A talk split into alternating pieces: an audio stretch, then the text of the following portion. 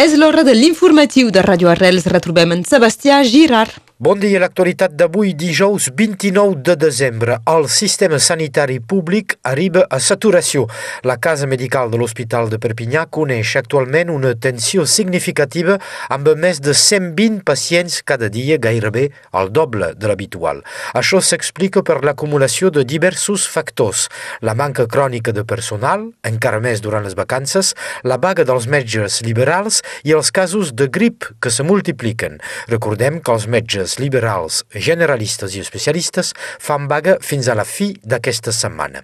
A Cases de Pen, un bon exemple de reconversió d'un siti industrial abandonat que serà transformat en un clúster d'iniciatives ecosolidàries. El projecte és portat per l'associació IDEA 66 i la municipalitat de Cases de Pena. L'antiga fàbrica de rajoles a la ruta d'Estagell albergarà un laboratori d'idees i d'iniciatives per reduir i reutilitzar les de deixalles, donar una segona vida als aparells o encara organitzar tallers pedagògics. Les obres començaran aquest hivern i el nou espai hauria de ser operacional a la fi de l'any vinent. El poble de Ribes Altes se suma a la llarga llista de municipis que atuden l'enllumenat públic durant la nit. A partir de diumenge, els fanals s'apagaran entre mitjanit i les 6 del matí. La comissió encarregada de vetllar als estalvis d'energia també demana la modificació del sistema de calefacció de la piscina municipal.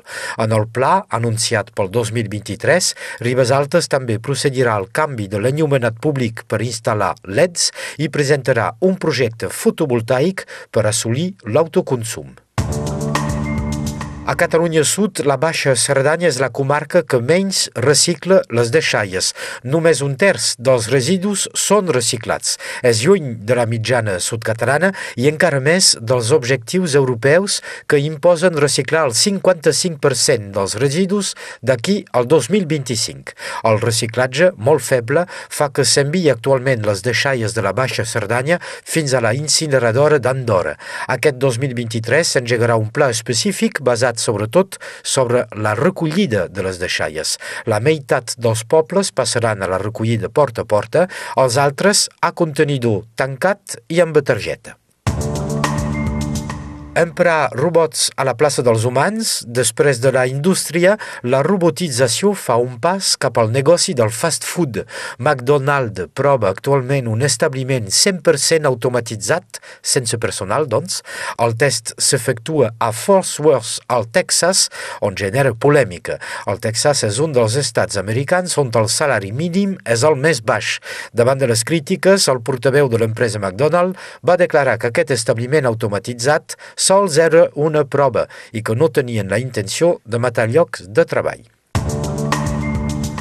Jazz Trònica, a la Casa Musical al Festival 10 sobre 10, proposa avui un concert de Marc Aïsa Social Bass, que serà seguit pel famós DJ barceloní Ismael Sustraibies. Al menú, jazz i electrònica i un aniversari. El perpinyanenc Clément Oliver, alias Xilom, tancarà la nit al club del festival.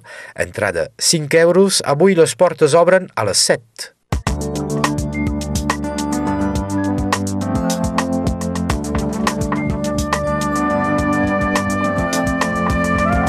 Moltes gràcies, Sebastià. Passem ara a l'informació del temps amb la Meritxell Cristòfol.